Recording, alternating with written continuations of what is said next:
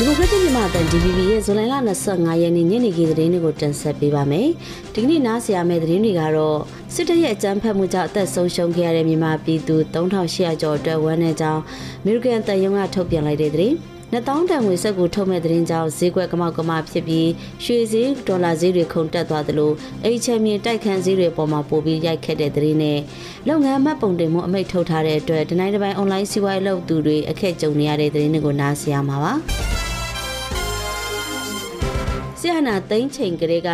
အာနာရှင်အဖွဲ့အစည်းနဲ့သူတို့ကျူးလွန်နေတဲ့ကြမ်းဖက်မှုတွေကြောင့်အသက်ဆုံးရှုံးခဲ့ရတဲ့လူပေါင်း3800ကျော်အတွက်မြန်မာပြည်သူတွေနဲ့အတူပူဆွေးတော့ကရောက်ရတယ်လို့မြန်မာနိုင်ငံဆိုင်ရာမျိုးကတန်ယုံကထုတ်ပြန်ထားပါတယ်။ဆီယနာရှင်အဖွဲ့အစည်းကထင်ရှားတဲ့88မျိုးဆက်ကျောင်းသားကောင်းဆောင်ကိုဂျင်မီကိုဖြိုးစီရတော့ကိုလှမြောင်နဲ့ကိုအောင်သူရစော်တို့ကိုကိုမြက်ချင်းတစ်နှစ်ပြည့်မြောက်တဲ့နေ့မှာပဲ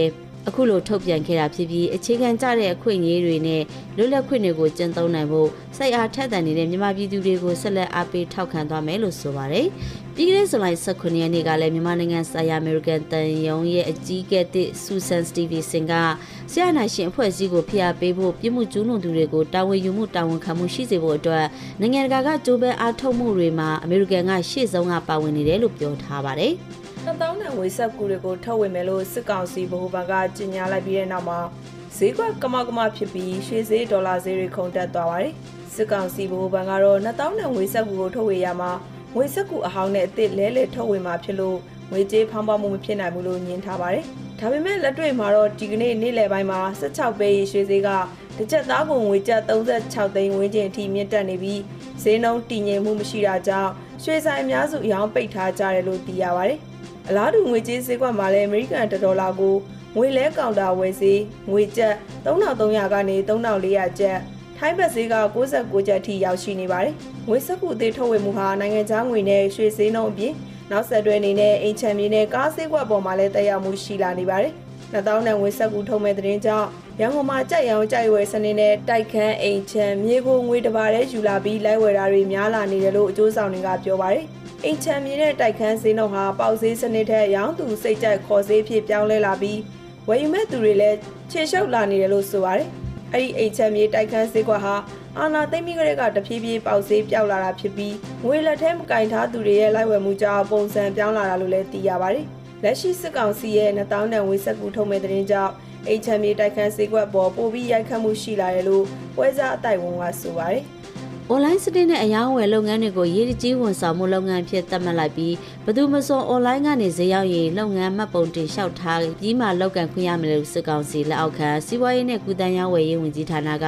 ဇူလိုင်21ရက်နေ့မှာအမိန့်ထုတ်ပြန်လိုက်ပါတယ်။ online စီးပွားရေးလုပ်ကန်သူတွေအနေနဲ့အမိတ်ကြော်ညာစာထုတ်ပြန်ပြီး6လအတွင်းမဖြစ်မနေမှတ်ပုံတင်ရမှာဖြစ်တယ်လို့အဲ့ဒီနောက်ပိုင်းမှတ်ပုံတင်လက်မှတ်မရှိဘဲ online စနစ်နဲ့ရောင်းတာတွေတွေ့ရင်အရေးကြီးကုန်စည်ဝန်ဆောင်မှုဥပဒေပုံမှန်9အရအရေးယူသွားမယ်လို့သတိပေးထားပါတယ်။အခုလိုအမိတ်ထုတ်ပြန်လိုက်တာကြောင့်တနိုင်တစ်ပိုင်း online စီးပွားရေးလုပ်ကိုင်သူတွေအခက်အခဲဖြစ်ကုန်တယ်လို့ online shopping လုပ်ကိုင်သူတွေကပြောပါတယ်။အမိတ်ထုတ်ပြန်ပြီး6လအတွင်း online အယောင်းအဝယ်လုပ်ကိုင်သူတွေအနေနဲ့မှတ်ပုံမတင်မဲ့ရောင်းချရင်ရေးကြီးကုန်စည်ဝန်ဆောင်မှု9အရာအနည်းဆုံးထောင်တာ6လကနေ3နှစ်ထိချမှတ်ခံရနိုင်တယ်လို့ကျပ်9သိန်းထက်မပိုတဲ့ဒဏ်ငွေချမှတ်ခံရနိုင်ပါတယ်။လက်ရှိချိန်ထိမြန်မာနိုင်ငံက SME လုပ်ငန်းတွေကိုလောက်ကန်ခွင့်ပေးထားတဲ့အတိုင်းအတာမှာအဆင်ပြေပေမဲ့ဒီထက်ပိုပြီးကြက်မှတ်လာရင်အယောင်းဝယ်လောက်ကန်သူတွေအထွေထွေအကျက်တဲမှုနဲ့အခက်အခဲတွေရှိလာမယ်လို့အသေးစားနဲ့အလက်စားလုပ်ငန်းရှင်တူကပြောပါတယ်။အာနာသိန်းစစ်ကောင်ဆောင်ဗိုလ်ချုပ်မူကြီးမင်းအောင်လှိုင်နေပြည်တော်မှာတည်နေတဲ့မာရဝိဇယဗုဒ္ဓရုပ်ဘွားတော်အတွက် လုပ်ငန်းရှင်ခရိုနီကြီးတွေက